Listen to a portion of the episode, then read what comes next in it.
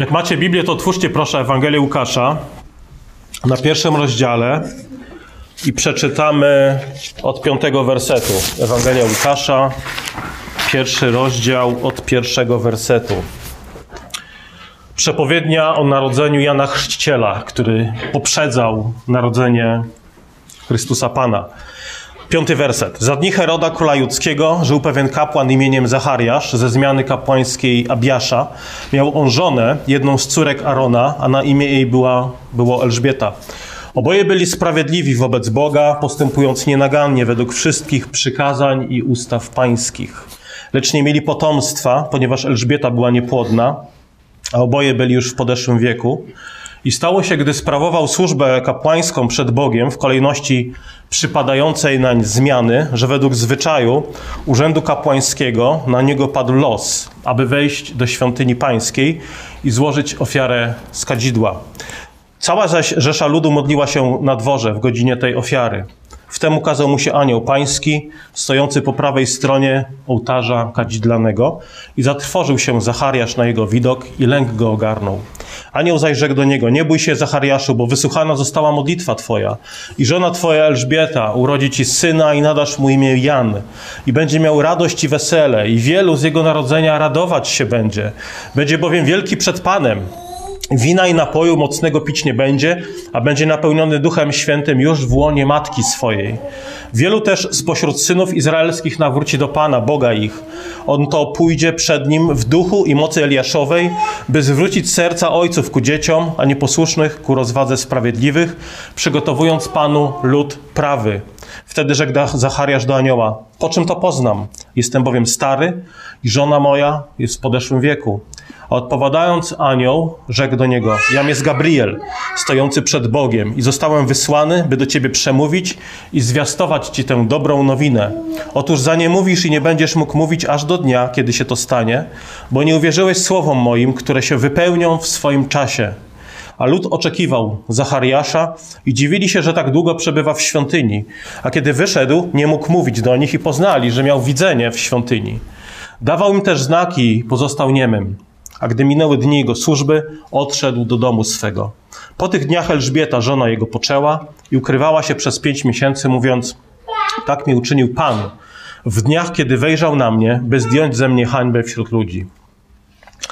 Ojcze w niebie, Ty posyłasz do nas swoje słowo i ono pracuje w nas, a dzięki mocy Ducha Świętego rodzi owoc w naszym życiu. I jesteśmy tutaj, ponieważ chcemy słuchać. Jesteśmy tutaj, ponieważ pragniemy czerpać pouczenie z Twojego słowa i modlimy się o to, abyś nam go udzielił przez Jezusa Chrystusa. Amen.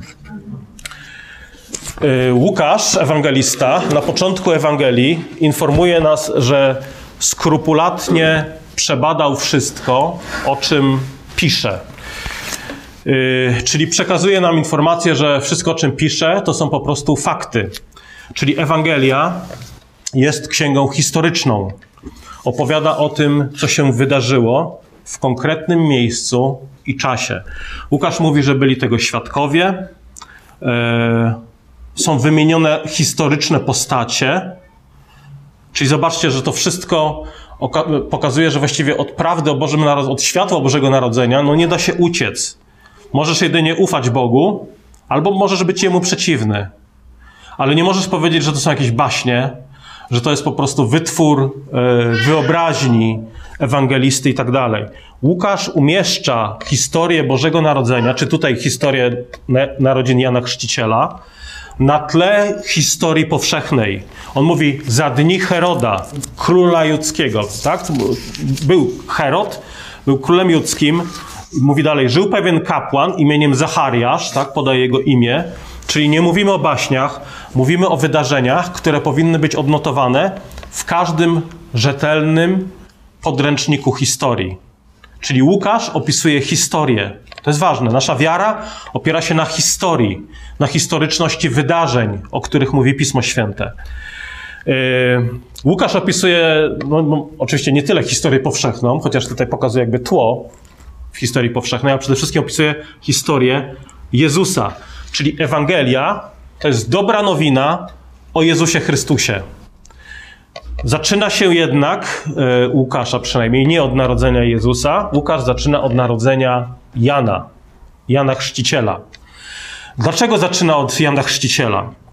Dlatego, że Jan jest nazwany głosem, prorokiem, głosem, który miał przygotować lud na przyjście Mesjasza. Można powiedzieć, że Jan jest prologiem, tak jak książki ma. Książka zwykle ma wstęp, jest prolog, który oznajmia nam, o czym będzie dalsza część, cała treść tej książki. To Jan był takim prologiem, wstępem do służby, do służby Jezusa. Wskazywał nie na siebie, ale wskazywał na Jezusa, mówiąc: Oto on idzie mocniejszy niż ja, oto on, baranek Boży.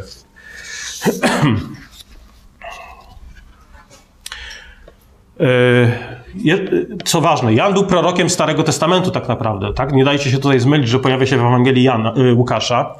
To był ostatni z proroków Starego Testamentu. Można powiedzieć, że ta era Nowego Przymierza, Nowego Testamentu zaczyna się wraz z, ze służbą, czy dalej śmiercią i zmartwychwstaniem Jezusa, wylaniem Ducha Świętego. Jan jest prorokiem, który pojawia się tuż przed narodzinami Mesjasza, po 400 latach, niektórzy mówią, milczenia Pana Boga. E, oczywiście nie mówimy, że Bóg milczy, ale kiedy mówimy 400 lat milczenia pomiędzy księgą Malachiasza a Janem Chrzcicielem, mamy na myśli to, że nie było autoryzowanych przez Boga proroków, ani ksiąg prorockich. Czyli nie, y, oczywiście mogli być ludzie, którzy próbowali wywrzeć presję, że no ale jak Bóg może milczeć? Muszą być prorocy. Mam słowo od Pana, mam słowo od Pana. No, ktoś powie, no nie, nie masz słowa od Pana. Bóg nie przekazuje w tej chwili, przez te 400 lat, sło, słowa poprzez mówiących, czy pisz, y, po, poprzez mówiących proroków, czy nowe księgi. Jeżeli chcesz usłyszeć Boży głos, po prostu idź do świątyni, idź do synagogi, posłuchaj Słowa Bożego, które jest czytane, prawa, psalmów, proroków, którzy zapisali wcześniej swoje księgi. To tak jak z tym memem, który y, ostatnio gdzieś tam y, udostępniłem na Facebooku. Jedna osoba do drugiej mówi: Chcesz usłyszeć, co Bóg mówi? Druga odpowiada: Tak, chcę. Na co ta pierwsza odpowiada: No to czytaj Biblię. Na co pada odpowiedź: Ale ja chcę słyszeć go słyszalnie. No i odpowiedź jest: No to czytaj ją na głos. No i właśnie w taki sposób e, Bóg przemawia, Bóg przemawia poprzez słowa Pisma Świętego. Jan był tym ostatnim e, prorokiem przed narodzeniem Mesjasza. Można powiedzieć, że Jan był takim pomostem pomiędzy Starym Przymierzem a Nowym Przymierzem. E, historia narodzenia Jana Chrzciciela, jego służba, właśnie pięknie pokazują jedność Biblii. Dlatego, że kiedy Łukasz mówi o narodzeniu Jana Chrzciciela, to nie mówi, słuchajcie, opowiem wam historię powstania nowej religii, zwanej chrześcijaństwem. No więc wszystko w tej nowej religii rozpoczęło się od Jana, Jana Chrzciciela, który wskazywał na Jezusa. No nie tak. Łukasz daje nam do zrozumienia, że Bóg opowiada cał, cały czas tę samą historię, że nawet służba Janowa była zapowiadana w pismach Starego Testamentu. Czyli jeszcze raz podkreślamy, nasza wiara ma swoje początki w Księdze Rodzaju, a nie w Ewangelii Mateusza lub Łukasza, albo w dziejach apostolskich. Tak? Są takie nurty, które mówią, że chrześcijaństwo powstało w dniu wylania Ducha Świętego. Wtedy narodziła się wiara chrześcijańska. Wcześniej to była wiara Żydów, wiara judaistyczna. No nie. Nie tak Jezus uczy nas czytać Biblię. O nim jest napisane w całym Starym Testamencie. Także Łukasz jest tym pomostem między Starym a Nowym Przymierzem. I tutaj Łukasz, zanim Jan przychodzi na świat, Łukasz przedstawia nam jego rodziców. Zachariasz i Elżbieta. Zachariasz był kapłanem, Elżbieta pochodziła z rodu Arona. Przede wszystkim powinniśmy zauważyć, że było to małżeństwo chrześcijańskie. Czyli wierzący, wierzący ludzie. Yy, zobaczcie, że na rodziców Jana Bóg i Jezusa też. Bóg wybrał ludzi pobożnych, którzy szli razem jedną duchową drogą. To pokazuje, jak ważna w Bożych oczach jest duchowa jedność męża i żony. Skoro małżeństwo, jak wiemy, małżeństwo jest symbolem relacji Chrystus-Kościół, to decyzja chrześcijanina o, poślubieniu, o poślubieniu niechrześcijanki, albo odwrotnie, decyzja chrześcijanki o poślubieniu niechrześcijanina symbolizuje i wyraża, że mimo iż Chrystus i, i, i Kościół są razem, to podążają duchowo w dwie różne strony, że mają dwa odmienne cele i odmienne pragnienia. Małżeństwo chrześcijanina z osobą niewierzącą oznajmia nieprawdę, kłamstwo na temat relacji Chrystus-Kościół. Dlatego Biblia wielokrotnie przestrzega przed tym. Także jedność małżonków, i tutaj widzimy tą jedność Elżbiety i Zachariasza, rodziców Jana, i ta jedność powinna dotyczyć, no może nie tyle nawet upodobań muzycznych, tak? Są takie rzeczy, które łączą kobietę i mężczyznę e, wokół upodobań muzycznych, kulinarnych, ktoś lubi te same filmy, ktoś ma podobne poczucie humoru. Słuchajcie, to są dobre rzeczy, to, to są ważne też rzeczy, że, żeby łączyły nas w małżeństwach nie tylko wiara, ale też jakieś wspólne pasje, wspólne działania, wspólne poczucie humoru i tak dalej. Ale nawet jeżeli są różnice w tych kwestiach, to niekoniecznie to musi być problem. Dlatego, że najważniejsza jest jedność duchowa. Czy budujemy naszą rodzinę właśnie na Chrystusie, czy na, nie wiem, ulubionych płytach naszych ulubionych zespołów, albo filmach naszych ulubionych reżyserów. Duchowe podążanie małżonków w różne strony nie zapowiada nic dobrego, jeśli chodzi o przyszłość tego małżeństwa, przyszłego, jeżeli do niego dochodzi.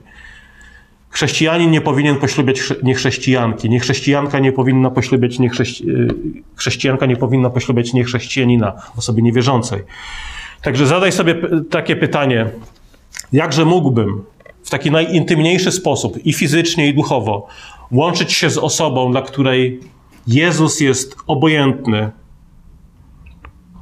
Jeżeli ta osoba, która jest kandydatem na, kandydatką na męża, żonę, yy, nie słucha, nie zna Jezusa, nie chce pełnić Jego woli, no to nie zna mnie, nie chce znać mnie, moich priorytetów, moich pragnień, moich tęsknot, ponieważ Jezus stoi na pierwszym miejscu w moim życiu. Jeżeli ta osoba nie chce znać Jezusa, to nie chce tak naprawdę poznać mnie i moich najgłębszych pragnień i tęsknot. Czytamy, że y, Zachariasz i Elżbieta byli nie tylko wierzącym małżeństwem. Czytamy w szóstym wersecie, że byli też sprawiedliwi wobec, wobec Boga. Oboje byli sprawiedliwi wobec Boga, postępując nienagannie według wszystkich przykazań i ustaw pańskich. Oczywiście nie chodzi o to, że byli sprawiedliwi wobec Boga, bo sobie zasłużyli uczynkami. Byli sprawiedliwi przez wiarę, zostali ogłoszeni przez wiarę w Jezusa, czy w Mesjasza nadchodzącego, w Słowo Boże, uznani za sprawiedliwych i postępowali sprawiedliwie. Pewnie upadali, jak każdy wierzący człowiek, ale to były upadki, to nie było trwanie w grzechu. Byli sprawiedliwi w oczach Bożych, i teraz zobaczcie, to jest ważne, że w oczach Bożych, tak, reputacja u ludzi jest dobra, ale najważniejsze jest to, kim, jest, kim, kim jesteś w Bożych oczach. Jak na mnie patrzy Bóg. Dlatego, że przed ludźmi można całkiem nieźle poudawać, a przed Bogiem się nie da udawać. Byli sprawiedliwi, ponieważ postępowali nienagannie według przykazań. Nie dlatego, że byli sprawiedliwi, bo chodzili w, szabat do świątyni, że mieli taki jeden dzień w tygodniu do, i chodzili do kościoła. Oni, zobaczcie, postępowali nienagannie według wszystkich przykazań i ustaw. To była charakterystyka ich codziennego życia, z dnia na dzień, nie raz w tygodniu. I teraz, mimo to, pojawił się pewien problem w ich życiu, i o tym mówi werset siódmy. Lecz nie mieli potomstwa, ponieważ Elżbieta była bezpłodna, czy niepłodna, a oboje byli już w podeszłym wieku. No i jest problem. Są sprawiedliwi w oczach Boży, Bożych, są pobożni, a jednak coś się dzieje, jakby klątwa na nich spadła, są niepłodni i co więcej, są już w podeszłym wieku. Także to nie zapowiadało, że cokolwiek miałoby się rychło zmienić. Brak potomstwa dla wielu ludzi, w Starym Testamencie szczególnie, był powodem smutku. Pewnie niejednokrotnie zadawali sobie pytanie, dlaczego? Boże, dlaczego, czy to kara jakaś spadła na mnie? Pamiętacie, kiedy Hiob cierpiał, przyjaciele szukali winy w nim. Czyli Bóg cię pokarał. Jeżeli cierpisz, jeżeli jest, z jakichś powodów jakaś kobieta nie mogła zajść w ciążę, to ludzie myśleli, a pewnie Bóg pokarał, pewnie jakiś grzech ukryty albo niewyznany. Zachariasz i Elżbieta są opisani jako sprawiedliwi, ale myliłby się każdy, kto przyszedłby do nich mówiąc: Skoro nie macie dzieci, to jest kara Boża. Coś, coś po prostu, coś zbroiliście. I teraz, y, no nie, nie, nie, nie, nie tak było. I, y, I, myliłby się każdy, kto, kto osądziłby ich. I teraz pytanie jest takie, dlaczego w takim razie tak smutne rzeczy albo złe rzeczy przydarzają się dobrym ludziom? Nazwa, ludziom, którzy są nazwani jako sprawiedliwi w oczach Bożych. Dlaczego do, dobrzy ludzie przechodzą y, cierpienie, trudne życiowe zakręty? Piśmie Świętym mamy opisane pobożne kobiety, które nie miały dzieci. Rebeka, Rachela do czasu. Mama Samsona, Anna, mama Samuela. Wszystkie były opisane jako niepłodne, ale w pewnym momencie, wskutek zaskakującego Bożego działania, w odpowiedzi na modlitwę, miały potomstwo. I to, to oczywiście było błogosławieństwo dla nich, dla ich rodziny, ale to też miało znaczenie symboliczne. Mianowicie takie, że Bóg jest nazwany w Biblii tym, który otwiera i zamyka łono. I historia bezpłodnych kobiet w Starym Testamencie, które zachodzą jednak w ciążę, to jest historia, można powiedzieć, ludzkiej niezdolności, ludzkiej słabości, ludzkich daremnych wysiłków oraz Boga, który działa. Boga, który obraca śmierć w życie. Obraca ludzką niezdolność i słabość w bogactwo Jego łaski. I Ewangelia to jest właśnie taka opowieść o ludzkiej niezdolności, niemocy. Nie możemy sami rozwiązać problemu, tak jak Elżbieta i Zachariasz, ale Bóg rozwiązuje ten problem. Bóg zdejmuje z Elżbiety bezpłodność. Człowiek nie jest w stanie sam tego zrobić, tak jak sam nie może się zbawić. Czyli najpierw jesteś duchowo martwy, a potem Bóg cię ożywia. Najpierw umierasz dla grzechu, a potem ożywasz dla Chrystusa. Najpierw twoje ciało odchodzi do grobu, kiedy umrzemy, a potem zmartwychwstaniemy. Także niepłodność nie musi oznaczać kary. Czasami oznacza po prostu wielkie, wspaniałe Boże dzieła, które On objawia w życiu niektórych ludzi. Dając ludziom dziecko, na które czekali przez wiele lat. Niektórym Pan Bóg nie daje biologicznego dziecka, ale na przykład yy, prowadzi ich w stronę adopcji, co jest błogosławieństwem i dla tego dziecka, ale też dla tego małżeństwa. Czasami ta Boża moc objawia się w tym, że po prostu jest małżeństwo, które nie ma dzieci z jakichś przyczyn, ale czynią piękne i wspaniałe dzieła dla Bożego Królestwa, dla innych ludzi, jako mąż i żona, oddani w służbę Bogu. I bezdzietność tutaj Zachariasza i Elżbiety służyła objawieniu się Bożej chwały w ich życiu. Pismo Święte naucza, że jeżeli utrapienia przybliżają nas do Jezusa, to są one ostatecznie błogosławieństwem dla nas. Zobaczcie, że ten problem Zachariasza i Elżbiety, on nie uczynił z nich takich, takimi zgorzkniałymi ludźmi. Oni służyli wiernie Bogu, z radością, mimo iż lekcja, przez którą przechodzili, była trudna. Byli wdzięczni i pobożni, może, mimo że ich, nie wiem, może ich marzenia o dziecku się do czasu nie spełniły, ale nie poddali się zniechęceniu. I to jest, myślę, duża zachęta dla nas. Nie poddawaj się zniechęceniu. Utrapienia mogą być źródłem wielkiego umocnienia w wierze, jeszcze większej radości po nich, jeżeli przejdziesz przez nie tak jak Zachariasz i Elżbieta, czyli żyjąc nienagannie według wszystkich przykazań i ustaw pańskich. Doug Wilson, który zacytuję wam, napisał na ten temat y, takie słowa. Bóg sprawuje kontrolę, Bóg kocha swoje dzieci i będzie działał dla ich dobra. Zawsze tak było i zawsze będzie. Lecz również kieruje On swoje dzieci w wielkie kłopoty, aby na, mogły nauczyć się bezcennej lekcji ufności nie sobie, ale Bogu, który wskrzesza umarłych. Czyli czasami te utrapienia uczą nas właśnie tej lekcji, że Bóg prowadzi nas w ciemną dolinę, aby ostatecznie poprowadzić nas na zielone pastwiska. Bóg, który wskrzesza umarłych. Może w tym momencie przechodzę okres, symbolicznie okres śmierci, czyli utrapienia, smutku i problemów, ale ostatecznie one prowadzą nas do jeszcze większej radości, do nowego życia. Czytamy, że Zachariasz sprawował służbę kapłańską w kolejności przypadającej na niego zmiany, werset ósmy. I wszedł do świątyni pańskiej, aby złożyć ofiarę z kadzidła. Kadzidło jest w Piśmie Świętym symbolem modlitwy. W Księdze Apokalipsy czytamy, że nasze modlitwy wznoszą się do Boga i są dla Niego miłą wonnością, niczym dym z kadzidła. To był symbol wołania modlitwy o odkupienie Izraela. Natomiast, czyli Zachariasz wszedł do świątyni, tam się modlił, a zobaczcie, to, to nie koniec. Tych modlących się było więcej, bo czytamy, że cała rzesza ludzi modliła się na zewnątrz. Czyli nie tylko Zachariasz jako kapłan się modlił, modlił się każdy. Modlitwa jest dla każdego. Tak? Nikt nie ma monopolu na modlitwę. Nawet jeżeli jedna osoba, yy, pastor czy starszy zboru, modli się na głos w czasie nabożeństwa, w naszych intencjach, które, którymi się dzielimy, to ty również w tym czasie módl się.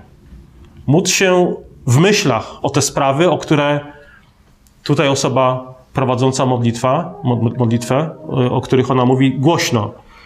Co więcej, każdy z nas powinien włączać się w służby Kościoła, modląc się codziennie w swoich domach. Słuchaj, y, możesz uczynić y, swoje życie służbą dla Kościoła, dla innych, modląc się o drugiego. O Kościół, o starszych, o członków Kościoła, o dzieci, o młodzież, o chorych, o nieobecnych. To może być Twoja regularna służba dla drugiego. Niekoniecznie to będzie służba w świetle Jupiterów i świateł, ale Bóg widzi Twoją służbę, Twoją wierność w tym. I zobaczcie, Bóg odpowiada. Czyli niektórzy mówią, modlitwa ma moc, no co drudzy mówią, no nie, modlitwa nie ma mocy. Bóg ma moc. Bóg używa modlitwy jako swojego narzędzia. Y, I, i, I, zobaczcie, co się dzieje w odpowiedzi na modlitwę. Yy, po prostu Bóg odpowiada. Bóg odpowiada. Jest takie miejsce w Biblii, gdzie Bóg mówi do jednego z proroków, bodajże do Jeremiasza, by nie modlił się o, o Izrael. I to jest dziwne. Bóg mógłby powiedzieć: OK, módl się, bo trzeba się modlić, ja najwyżej odpowiem ci nie. Ale ty się módl. A ja odpowiem nie. Ale, ten, ale tam Bóg mówi nie, nawet się nie módl. Dlaczego? Ponieważ Boże serce jest, można powiedzieć, czułe na modlitwy Jego dzieci. Że Bóg kocha odpowiadać na modlitwy Jego dzieci. Czyli yy, masz do dyspozycji niesamowite narzędzie, modlitwę, dzięki której możesz rozmawiać codziennie, nawet bez krawata, ze Stwórcą świata. Nie musisz ubierać garnituru w tym czasie. Możesz po prostu usiąść albo klęknąć w swoim pokoju i tak jak jesteś, nawet w piżamie, pomodlić się, bez wychodzenia z domu. Bóg kocha odpowiadać na modlitwy. I tutaj zobaczcie, co się dzieje. Czytamy od 11 wersetu, że wtem ukazał mu się anioł pański, mający po prawej stronie ołtarza E, stojący po prawej stronie ołtarza kadzidlanego i zatrwożył się Zachariasz na jego widok i, się, i lęk go garnął. Anioł zaś rzekł do niego, nie bój się Zachariaszu, bo wysłuchana została modlitwa twoja i żona twoja, Elżbieta, urodzi ci syna i nadasz mu imię Jan. Czyli Bóg odpowiada. Ukazuje się Janowi anioł, e, ale odpowiada w dziwny sposób. Co ważne, Zachariasz nie, nie składał ofiary w prywatnej intencji posiadania dziecka. Y, też lud przed świątynią pewnie nie o to się modlił, że Panie Boże, daj dziecko temu staremu Zachariaszowi, bo on tak bardzo chce, i tej stałej Elżbiecie. Nie, chodziło o odkupienie Izraela. I Bóg odpowiada na modlitwę o odkupienie Izraela, mówiąc, że Zachariaszowi i Elżbiecie urodzi się syn. Czyli narodzenie Jana Chrzciciela oznacza odpowiedź na modlitwy o odkupienie Izraela. Obietnica odkupienia Izraela zaczyna się spełniać w jego życiu, w życiu Jana Chrzciciela. I teraz y, Bóg odpowiada na modlitwę, ale odpowiada często, także też, też w tej historii, inaczej niż byśmy chcieli. Często Bóg odpowiada później niż pewnie by chciał Zachariasz, albo niż my byśmy chcieli. No tak to bywa też z naszymi modlitwami, że Bóg odpowiada później. Jego milczenie, kiedy nie daje nam od razu tego, o co prosimy, czasami nie, niekoniecznie oznacza nie, albo mam cię gdzieś. Po prostu czasami to milczenie oznacza y, cierpliwości. Poczekaj. Będziesz zaskoczony. I Zachariasz ciekawe, że mimo, że był kapłanem, to nie wiedział, jak zareagować na, ty, na, tą, na tę wieść anioła. On się po prostu tego nie spodziewał. Był przyzwyczajony do składania ofiar i do tego, że właściwie nic się nie działo. Wracał do domu. Elżbieta dalej, no, no nie ma dziecka, nie spodziewałem się żadnego dziecka. Mówił, że oni po prostu, no, jestem po pracy, dzień jak co dzień, a tu ukazuje mu się anioł i Zachariasz się boi. Jan y, i, i anioł uspokaja go, mówiąc, zobaczcie, pierwsze słowa, jak aniołowie czy Pan Jezus ukazują się stworzonym, zaskoczonym uszem, bardzo często mamy te słowa nie bój się. Bóg przychodzi do nas ze słowami pokoj, nie bój się. Nie przyszedłem cię tutaj potępić czy na sąd. Nie bój się. I dodaje, że twoja żona narodzi syna. Nazwiesz go imię, imieniem Jan, co oznacza Pan jest łaskawy. Czternasty werset mówi, że wielu z jego narodzenia będzie się radować, a powodem tej radości jest fakt, że narodzenie Jana oznacza rychłe przyjście Mesjasza. Czyli anioł mówi o radości z powodu dobrej nowiny. Nie bój się, Zachariaszu, wysłuchana została modlitwa Twoja. Żona Twoja Elżbieta urodzi Ci syna i nadasz mu imię Jan i będziesz miał radość i wesele. I wielu z jego narodzenia radować się będzie. Zobaczcie, tutaj ta radość przewija się też w zwiastowaniu Marii później przez Gabriela, zwiastowaniu aniołom, yy, przepraszam, zwiastowaniu pasterzom przez anioła, że oto urodzi się Mesjasz. Radość, radość wielką wam ogłaszam. To, co głosimy ludziom, to jest radość. Nie bójcie się, bo to zwiastuje wam radość wielką, mówi anioł do pasterzy, która będzie udziałem wszystkiego ludu, nie tylko wybranych. Całego ludu. Radość nie jest czymś naturalnym dla nas. Dlatego mamy wezwanie. Nawet w listach Paweł wielokrotnie mówi: radujcie się. Powtarzam wam, zawsze się radujcie. Jak to jest możliwe? Zawsze się radować, kiedy wiemy, że są różne sytuacje w życiu. Jest to możliwe tylko przy założeniu, że wierzę, że wszystko, co mnie spotyka i innych, ma swoje źródło w Bożym planie, w Bożym prowadzeniu. Czyli wierzę, że jestem ukryty w Jego dobrych rękach. Mogę się radować, bo nic, co mnie spotyka, nie jest przypadkowe, nie jest bezsensowne. Czyli nawet kiedy jest grat, to dlatego, że Bóg go zesłał. I nie muszę, nie, nie muszę się bać, bo Bóg czuwa nade mną. Dlatego za wszystko powinniśmy dziękować i we wszystkim się radować. Czasem trochę jak Polacy na tym, na mundialu. No nie ma nas, nie ma nas w finale. No ale jesteśmy w finale. Będzie sędzia polski. Czyli jest polski akcent. Trzeba się radować, chociażby tym, tym akcentem. Głoszenie Ewangelii to jest głoszenie wielkiej radości w Chrystusie Panu. Jan nie tylko przyniesie radość, czytamy, że będzie wielki przed Panem, też znowu nie w oczach ludzi, będzie wielki przed Panem. W oczach ludzi, no pewnie był dziwakiem. On się dziwnie ubierał, miał dziwną dietę, dietę mówił dziwne rzeczy o baronku Bożym, mówił dziwne rzeczy o upamiętaniu. Do Heroda mówił, nie wolno ci sypiać z kobietą, która nie jest twoją żoną. A mimo to był wielki przed Bogiem. Czyli zobaczcie, że Bóg ma inny standard oceny niż ludzie. Ktoś, y, ktoś może mieć wysokie słupki popularności, dużo tam polubień na Facebookach, ale jednocześnie być bezbożnym człowiekiem, nieprzyjacielem Boga. Wielkość przed Panem jest ważniejsza niż wielkość w oczach ludzi. I czytamy o Janie e, kolejne rzeczy, że nie będzie pił wina i mocnego napoju. W piśmie nazywano takich ludzi Nazyrejczykami, którzy złożyli śluby Panu Bogu. E, o tym czytamy w Księdze Liczb w szóstym rozdziale, że nie będzie pił, pił wina i mocnego napoju. E, Nazarejczycy też nie strzygli włosów. nie pili wina czy alkoholu nie dlatego, że wino jest złe, ale z powodu roli, którą mieli do wykonania. Tymi Nazarejczykami bożymi byli na przykład Samson, Samuel albo Eliasz. I mieli, ci Nazarejczycy mieli rolę posłańców. Oni przygotowywali ludzi na przyjście kogoś ważnego po nich. Także oni początkowali, może powiedzieć, tą nową erę, koniec starego i początek nowego. Samuel i Samson przeprowadzili Izrael od czasów sędziów do okresu królów. Eliasz przeprowadził Izrael od czasu królów do czasu proroków. Tutaj anioł zwiastuje, że Jan przeprowadzi Izraela od starego do nowego przymierza. Yy, anioł mówi o jeszcze jednej charakterystyce Jana. Będzie napełniony Duchem Świętym już w łonie matki swojej. To jest ciekawe. Nie? Pomyślcie, dziecko, jeszcze nienarodzone, będzie napełnione Duchem Świętym.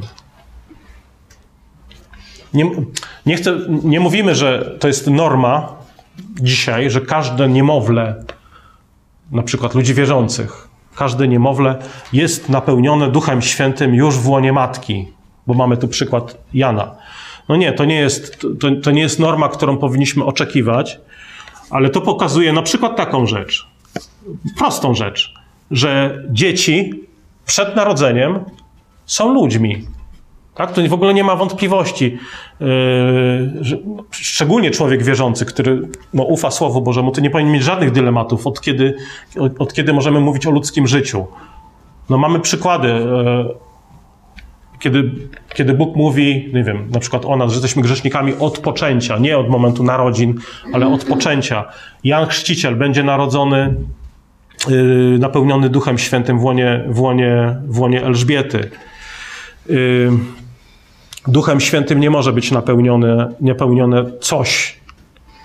Kawałek tkanki nie jest napełniony Duchem Świętym. Jakaś butelka, przedmiot nie jest napełniony Duchem Świętym. Człowiek może być napełniony Duchem Świętym. Po drugie, dla Boga nie ma nic niemożliwego. Duch Święty może działać i działa również w niemowlętach. Nie, dlatego nie możemy chwycić jakiejś teologii, która wyklucza niemowlęta spoza, zakresu Bożego działania.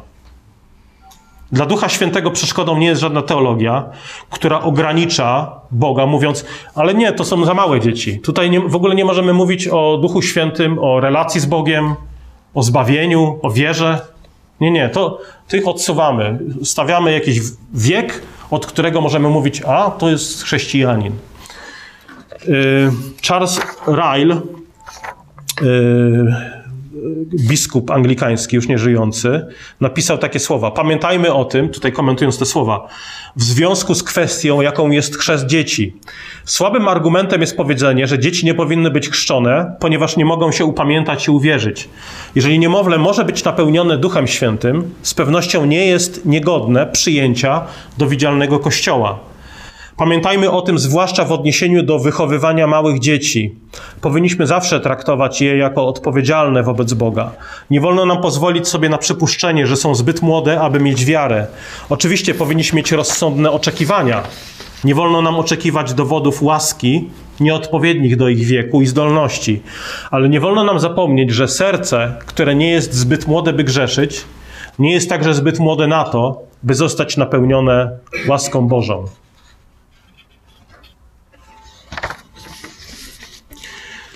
Czyli gdyby Jan Chrzciciel urodził się dzisiaj, bez dwóch zdań byśmy go chrzcili. Tutaj akurat y, y, nie, nie, nie, tylko dlatego, że wierzymy, że dzieci są częścią Kościoła, ale mamy świadectwo Biblii, żeby został napełniony Duchem Świętym. To jest bardziej problem tych, którzy, którzy odmawiają chrztu dzieciom. Można zadać pytanie, czy ochrzcilibyście Jana Chrzciciela jako niemowlę, wiedząc, że Bóg powiedział o nim, że został, został napełniony Duchem Świętym już w łonie matki. I teraz jaka jest e, reakcja Zachariasza? No reakcją Zachariasza jest sceptycyzm, no takie zwątpienie. Wtedy rzekł Zachariasz do anioła, 18 werset. Po czym to poznam? Jestem bowiem stary i żona moja w podeszłym wieku. I teraz słuchajcie, jak ktoś, Zachariasz pyta, po czym to poznam, to się wydaje, że no takie rozsądne pytanie, nie? Rozsądne pytanie neutralne. Ale to, to nie było pytanie zaciekawienia, to było pytanie niewiary. Tak jakby powiedział, to co mówisz wydaje mi się niemożliwe. Po czym poznam, że mówisz prawdę? Po czym poznam, że nie ściemniasz, nie wkręcasz mnie? Tak jakby zapomniał o przykładach ze Starego Testamentu, gdzie Bóg zamyka i otwiera łono. Zapomniał o Izaaku, Samsonie, Samuelu, których rodzice byli starzy, a mimo to dla Boga nie był to żaden problem. Zachariasz po prostu zareagował rodzajem niewiary. Jeżeli na to spojrzymy w ten sposób, to zrozumiemy, dlaczego do czasu stał się niemy. Niewiara jest poważną rzeczą. Z powodu niewiary wielu Izraelitów nie weszło do ziemi obiecanej. W zasadzie nie ma większego grzechu niż grzech niewiary, bo z tego grzechu wypływa wszystko inne. Zachariasz oczekiwał mocniejszego dowodu niż Słowo Boże, niż Słowo Boże przekazane przez anioła. Czasami ludzie mówią dzisiaj, jak mi się ukaże, a nie, mówią o ludziach niewierzących, gdyby mi się ukazał anioł jakiemu, to ja bym uwierzył. No tak, tylko że jeżeli już ci się ukaże taki anioł, no to co zrobisz? No, zrobisz to, co zrobisz zawsze. Kiedy widzisz wokół siebie dowody Bo Bożego istnienia. Będziesz po prostu szukał naturalistycznych wyjaśnień, typu nauka na pewno to udowodni, albo wyjaśni, co tutaj się dzieje. Albo widziałem anioła, ale chciałbym, y, tak jak Zachariasz. No dobra, ukazałeś mi się, ale jeszcze udowodnij mi, że mówisz prawdę. Zachariaszowi ukazał się anioł, nawet przemówił, a mimo to Zachariasz był niedowiarkiem. Zadał pytanie, które zadałby każdy, komu Słowo Boże nie wystarczy. No dobrze, ukazałeś mi się, nawet przemówiłeś do mnie, zapowiedziałeś coś, co się wydarzy w moim życiu, ale jaki dowód przedstawisz, że mówisz prawdę? Tylko, że problem polegał, no problem, problem w cudzysłowie, polegał na tym, że anioł Gabriel, czy anioł, nie wiem, czy to jest jego imię podane, yy,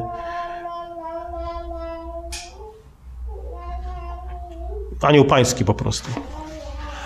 Yy, że anioł pański przemawiał swoją obecnością. Samo, samo ukazanie się anioła było dowodem.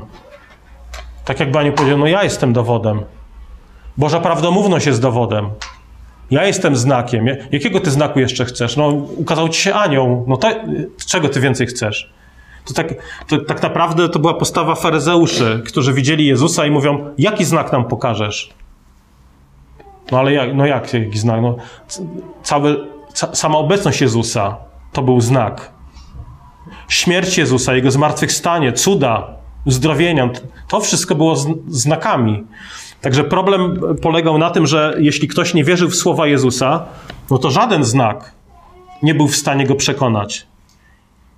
Jeżeli człowiek nie wierzy Bogu, kiedy On mówi, kiedy przemawia do nas w swoim słowie, no to tym bardziej nie uwierzy, kiedy, nie wiem, kiedy Bóg zacznie działać, kiedy Bóg ukaże jakiś znak. Człowiek sobie zawsze wyjaśni to w jakiś naturalistyczny sposób. Niewierzący umysł zobaczy znak i zada to samo pytanie, ale udowodnij mi, że ten znak mówi prawdę. Ale udowodnij mi, że ten, to jest znak od Boga, a nie jakieś niewyjaśnione zjawisko fizyczne.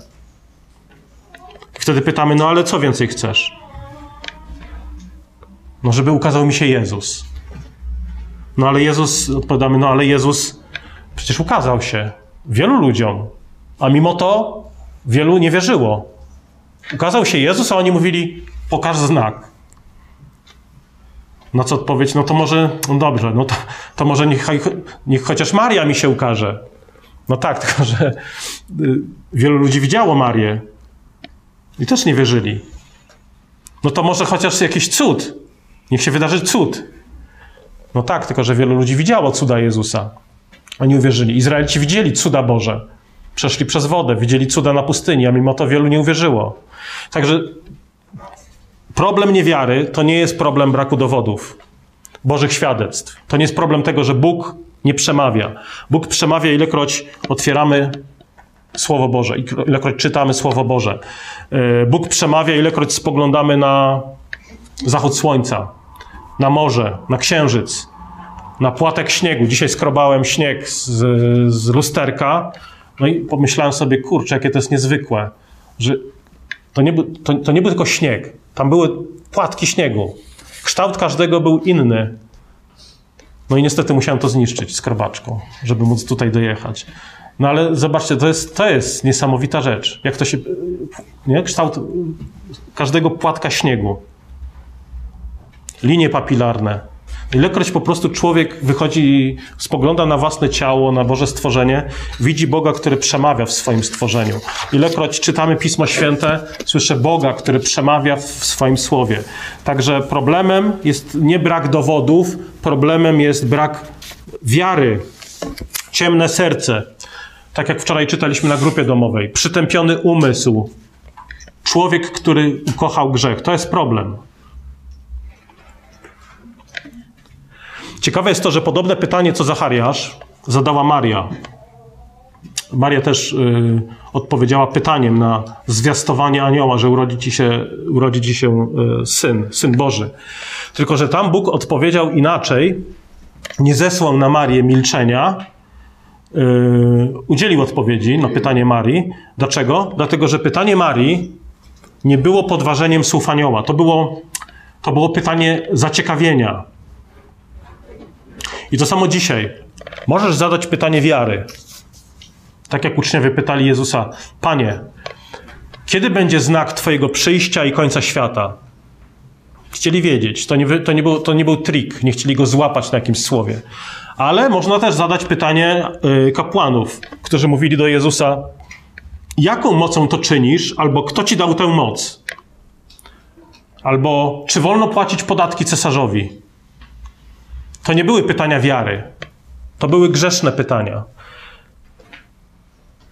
Pytanie uczniów to pytanie wierzącego serca, pytanie kapłanów to pytanie knującego, niewierzącego serca. Dlatego Jezus inaczej odpowiedział, odpowiadał uczniom, inaczej odpowiadał kapłanom.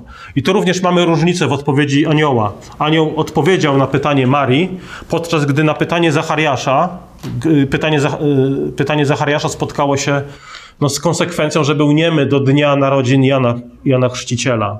Także za, jeżeli zadajesz pytania, zadawaj pytania zaciekawionej wiary, a nie takie, że a, tutaj chcecie złapać na jakimś słowie, tak? Jeżeli, no czasami, nie wiem, gdzieś tam w komentarzach, nawet gdzieś w internecie, czy w mailu, a nawet w rozmowach, ludzie też zadają mi, pewnie wam też jakieś pytania. Nie trać czasu na ludzi, którzy zadają pytania wężowe właśnie, takie, a ja, ja chcę cię przyłapać, ja chcę tutaj jakiś trik zrobić, żebyś po prostu, żeby cię przyłapać. Pan Jezus, apostoł Paweł i nie, nie tracili czasu na takie rzeczy. Chyba, że ktoś pytał naprawdę ze szczerego serca, chciał znać odpowiedź, która zbliżyłaby go do Boga. Podsumowując, kilka myśli. Po pierwsze, wierz w Boże obietnice.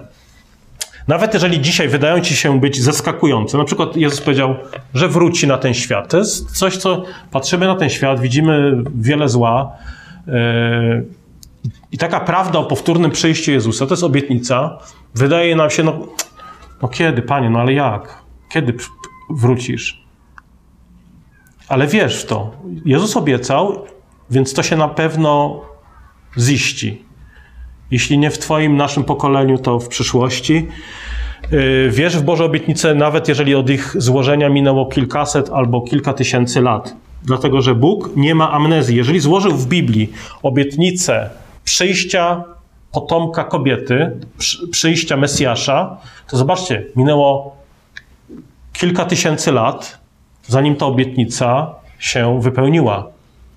Ale Bóg nie zapomniał po prostu w odpowiednim czasie dotrzymał słowa. Także uważaj, że jeżeli Bóg będzie realizował swoje obietnice, żeby nie zastał cię z wątpiącym sercem. Módl się i nie bądź zaskoczony, kiedy Bóg odpowiada. Po drugie, uważaj na pytania niewiary. Kiedy Bóg mówi: Jestem, który jestem, to jakiego większego dowodu oczekujesz? Jak Bóg ma cię jeszcze przekonać, że jest Bogiem? Kiedy Bóg umiera i zmartwychwstaje, jakiego większego dowodu oczekujesz? Zadawaj pytania wiary. Kiedy Bóg mówi, kiedy Pismo Święte mówi, Jezus Chrystus jest Bogiem, to nie pytaj, czy na pewno?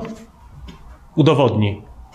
Raczej zadaj pytanie na przykład: Boże, kiedy sprawisz, że wyzdrowieję na przykład? Boże, kiedy mi pomożesz? Kiedy, kiedy doświadczę uleczenia z moich jakichś chorób czy duchowych czy fizycznych? To są pytania wiary, bo wierzę, bo wierzę Boże, że Ty możesz to zrobić. Trzecia myśl. Tak jak Bóg posłał posłańca do Zachariasza, czyli anioła, tak Bóg posyła swoich posłańców dzisiaj. Yy, wierzę, że Bóg dzisiaj też może posyłać anioła, anioły. W Nowym Testamencie czytamy, że niektórzy z was aniołów widzieli. Być może nie w takiej postaci skrzydlatej istoty. Może aniołowie czasami ukazywali się ludziom jako ludzie, jako młodzieńcy na przykład. Wierzę, że Bóg może dzisiaj posyłać aniołów, którzy mogą wyglądać jak ludzie. Dla Boga nie ma nic niemożliwego. Ale częściej Bóg posyła swoich posłańców, którzy wyglądają jak ludzie i są ludźmi. Mają dwie ręce, mają dwie nogi i nie mają skrzydeł. Jedzą i śpią. Na przykład yy, w Twoim domu. Inni, yy, tacy posłańcy Boże, innych spotykasz na przykład w kościele na nabożeństwie. Albo w jakichś sytuacjach zupełnie zaskakujących, w sklepie i tak dalej, i tak dalej. Tym Bożym posłańcem może być twój mąż, żona, dzieci, yy, ktoś, kto siedzi obok ciebie, ktoś w kościele. To są Boży posłańcy, którzy komunikują ci ważne rzeczy o Bogu, o tobie, o miejscach, które wymagają naprawy w twoim życiu. Także słuchaj uważnie. I ostatnia myśl. Ewangelia Łukasza zaczyna się w świątyni. Y, Zachariasz idzie do świątyni modlić się. I, I, co ciekawe, y, Ewangelia Łukasza kończy się też w świątyni. Ale jest duża różnica pomiędzy y, początkiem a końcem. I to jest celowy zamysł Łukasza. Na początku w świątyni Zachariasz jest niemy, jest uderzony ciszą, co oznaczało, że kiedy wyszedł ze świątyni, on nie mógł udzielić błogosławieństwa Aaronowego, jak to e, e, było w zwyczaju. Nie mógł wznieść ręce i rąk i pobłogosławić ludzi. Nie mógł mówić. Natomiast na końcu Ewangelii Łukasza mamy Jezusa, który błogosławi uczniów, którzy są w świątyni, a usta uczniów są pełne radości, błogosławieństwa, śpiewu, Czyli zobaczcie, Ewangelia Łukasza robi to przejście od ciszy do pieśni, od ciszy do błogosławieństwa. I to jest ten obraz zmiany pomiędzy starym a nowym, między śmiercią a zmartwychwstaniem, między wiarą, między niewiarą a wiarą. Czyli niewiara, sceptycyzm tutaj Zachariasz, niewiara milczy. Niewiara, niewiara idzie do kościoła i stoi. I i patrzy i, i ma usta zamknięte. Natomiast wiara w kościele śpiewa, odpowiada, raduje się. Niewiara milczy, natomiast wiara rozgłasza dobrą nowinę. Dlatego włączaj się też do wspólnych pieśni, wspólnych odpowiedzi, ale nie tylko w kościele, nie tylko na nabożeństwie. Opowiadaj o dobrej nowinie, że Bóg przyszedł w ciele, że Słowo stało się ciałem. To jest ten dobry, dobry czas, żeby, żeby to robić, ogłaszać piękno i cud Bożego Narodzenia w naszych domach, wśród naszych bliskich, przyjaciół. Pomódlmy się. Ojcze, dziękujemy Tobie za Twoje słowo. Dziękujemy Ci za anioła, za Twoich posłańców, którzy zwiastują dobrą nowinę, za tych, którzy też nam oznajmili dobrą nowinę, którzy nas prowadzą do Ciebie, którzy nas pokrzepiają Twoim słowem. Panie, chcemy zawsze być czujni, gotowi na spotkanie z Tobą. Panie, wykorzeniaj grzech z naszego życia, y, z naszego serca, abyśmy wypowiadając wojnę grzechowo, grzechowi, ogłaszali pokój, pokój z Tobą przez wiarę w Jezusa. Dziękujemy Tobie za mądrość Twojego słowa. Chcemy, Panie, przylgnąć do, do Ciebie, do Twojej mądrości i kochać Twoje słowo, Ciebie nade wszystko. Prosimy o to w imieniu Jezusa, naszego Pana i Zbawiciela. Amen.